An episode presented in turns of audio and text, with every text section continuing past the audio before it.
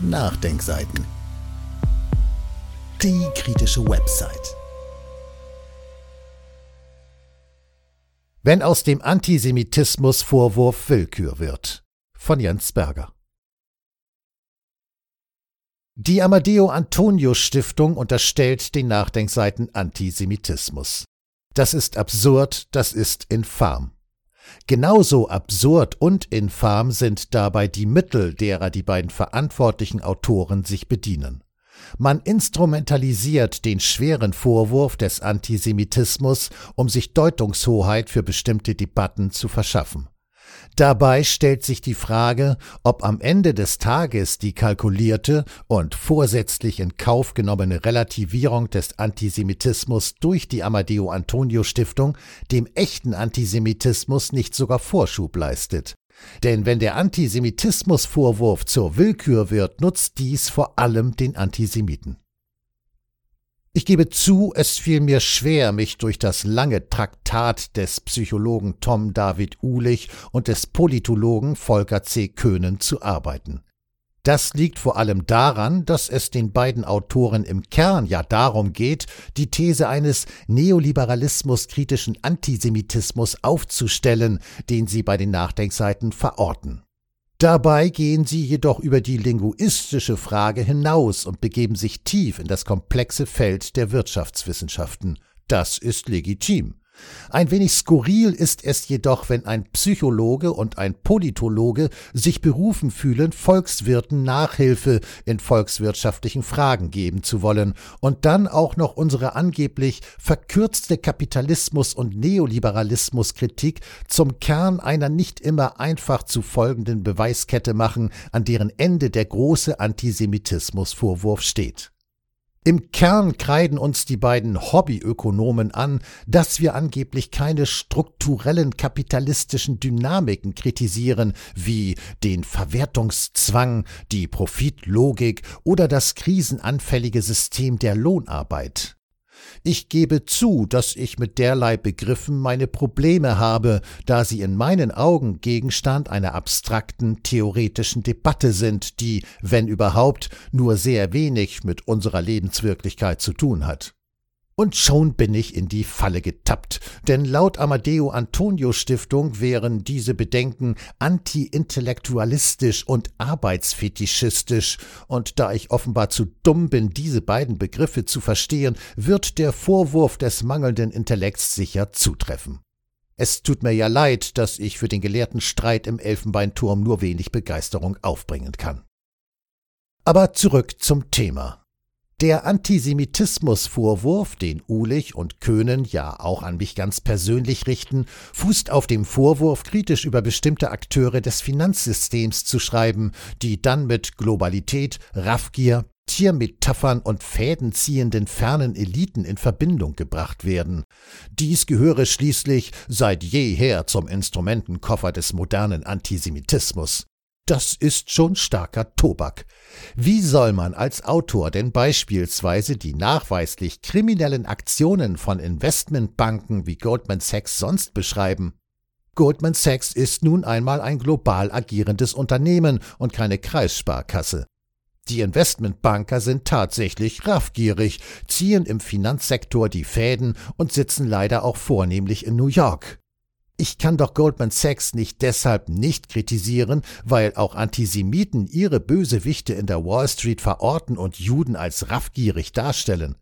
Das hieße in letzter Konsequenz, dass man Raffgier überhaupt nicht mehr kritisieren darf, da dies ja ein bekanntes antisemitisches Bild sei. Verrückt. Und wie sieht es mit den Tiermetaphern aus? War es nicht Bertolt Brecht, der den von den Autoren kritisierten armen Haifisch im Moritat von Mackie Messer als Metapher zum Leben erweckte? Und war es nicht Helmut Schmidt, der die ebenfalls von den Autoren kritisierte Metapher vom Raubtierkapitalismus geprägt hat? Waren Brecht und Schmidt Antisemiten? Offenbar. Das gilt übrigens auch für Alfred Döblin, Josef Roth und viele andere des Antisemitismus unverdächtige Literaten, die den von der Amadeo Antonio Stiftung kritisierten Begriff Judaslohn in ihren Werken verwandten. Das Gleichnis von Judas, der Jesus für 30 Silberlinge verraten hat, mag zwar in der Tat von Antisemiten für ihre Zwecke missbraucht werden, der Umkehrschluss, dass der Gebrauch dieses Gleichnisses auf strukturellen Antisemitismus schließen ließe, ist jedoch abstrus. Sonst müssten sich die grünen Politiker Sven Giegold, Manuel Sarrazin und Reinhard Bütikofer, die linken Politikerin Gesine Lötsch und viele andere auch als Antisemiten verunglimpfen lassen. So weit würde die Amadeo Antonio Stiftung sicher nicht gehen. Warum also die Nachdenkseiten? Es geht um die vorsätzliche Verunglimpfung kritischer Stimmen im linken Lager. Es geht um Denunziation und digitalen Rufmord, unter dem die Nachdenkseiten, ihr Herausgeber Albrecht Müller und seit längerer Zeit auch ich zu leiden haben. So wurde ich unlängst von einem angefragten Referat bei der Landeszentrale für politische Bildung Brandenburg wieder ausgeladen, da einige Landespolitiker der Linkspartei wegen des umstrittenen Rufs der Nachdenkseiten intervenierten. Das sind auch wirtschaftliche Einbußen. Schlimmer wiegt jedoch die Hilf- und Machtlosigkeit, mit der man derlei Attacken gegenübersteht. Aber genau dies ist ja auch die Motivation der Rufmörder. Da kann die Kritik noch so lächerlich und unbegründet sein, wenn der schwerwiegende Vorwurf des Antisemitismus erst einmal im Raum steht, ist der Ruf erstmal umstritten.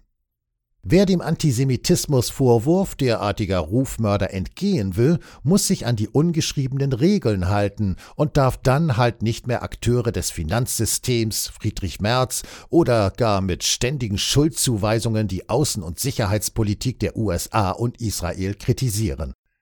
Aber wer bestimmt eigentlich, welche Begriffe sprachpolizeilich erlaubt sind und welche Begriffe strukturell antisemitisch und damit verboten sind? Laut Amadeo Antonio Stiftung sind es ja die Anspielungen, Codewörter und gängigen Bilder, die dort intuitiv und sofort verstanden werden, wo sie verstanden werden sollen. Das heißt, man unterstellt mir, dass ich beispielsweise mit der Formulierung Friedrich Merz sei das personifizierte trojanische Pferd der Wall Street und der transatlantischen Netzwerke, eine politische Bordsteinschwalbe, die ihre Haut stets an den meistbietenden verkauft, eigentlich gar keine Kritik am Einfluss der Finanzwirtschaft und ihrer gut bezahlten Lobbyisten formulieren, sondern zwischen den Zeilen mit Anspielungen, Codewörtern und gängigen Bildern Antisemitismus verbreiten will. Das ist grotesk, das ist skurril, das ist infam und, mit Verlaub, intellektuell nicht satisfikationsfähig. Wie müsste linke Kritik am Kapitalismus, Kritik am Neoliberalismus ist ja offenbar per Definition antisemitisch, eigentlich aussehen, um das sprach- und gedankenpolizeiliche Unbedenklichkeitssiegel der Amadeo Antonio Stiftung zu bekommen? Eine Passage aus dem Text, in dem den Nachdenkseiten Antisemitismus unterstellt wird, gibt da zumindest eine Andeutung. Zitat war es in einigen Teilen der politischen Linken früher gar nicht unüblich, etwa die Arbeit an sich zu kritisieren, fordert heute kaum jemand mehr deren Abschaffung. Es ist dann etwa von gerechten Löhnen und Arbeit für alle die Rede, wobei doch die Produktionsmittel seit langem auf einem Niveau sind, die zumindest eine radikale Arbeitszeitverkürzung möglich machen würden. Die Arbeit wird aber fetischisiert und ihre gerechte Entlohnung zum antikapitalistischen Kampf erklärt. Zitat Ende. Hand aufs Herz, liebe Leserinnen und Leser. Würden Sie die Nachdenkseiten lesen, wenn wir solchen Unsinn schreiben würden? Wenn wir die Arbeit an sich kritisieren würden und deren Abschaffung fordern? Wenn wir nicht mehr gerechte Löhne und eine gerechte Verteilung, sondern stattdessen radikale Arbeitszeitverkürzungen fordern würden? Wohl kaum. Und dies soll nun unverkürzte Kapitalismuskritik sein? Dann doch lieber verkürzt.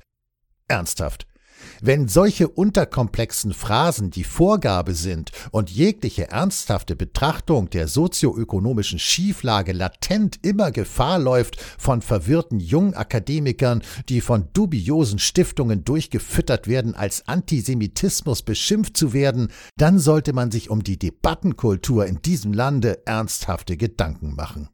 Besonders schwer wiegt jedoch noch ein anderer Punkt. In Aesops Fabel Der Hirtenjunge und der Wolf, schon wieder so eine Tiermetapher, ruft ein Hirtenjunge so lange aus Langeweile Wolf, bis die Dorfbewohner den Warnruf nicht mehr ernst nehmen, und als der Wolf wirklich kommt, glaubt niemand mehr dem Hirtenjungen, und der Wolf frisst die ganze Herde. Das ist die wohl passende Metapher für die ständigen und immer absurder werdenden instrumentalisierten Antisemitismusvorwürfe. Wenn dieser Vorwurf aus Kalkül und Boshaftigkeit inflationär in immer groteskeren Attacken missbraucht wird, wird er irgendwann ignoriert, und dies freut natürlich vor allem die echten Antisemiten, die dann mit ihrem schändlichen Treiben auf keinen Widerstand mehr stoßen.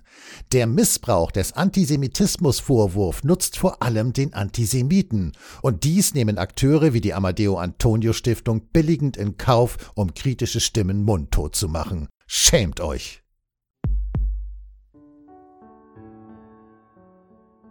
Dieses Audio konnte nur entstehen, weil zahlreiche Leser und Leserinnen die Nachdenkseiten fördern und durch Spenden unterstützen. Wenn Sie auch etwas tun wollen, klicken Sie einfach den entsprechenden Button auf unserer Website an.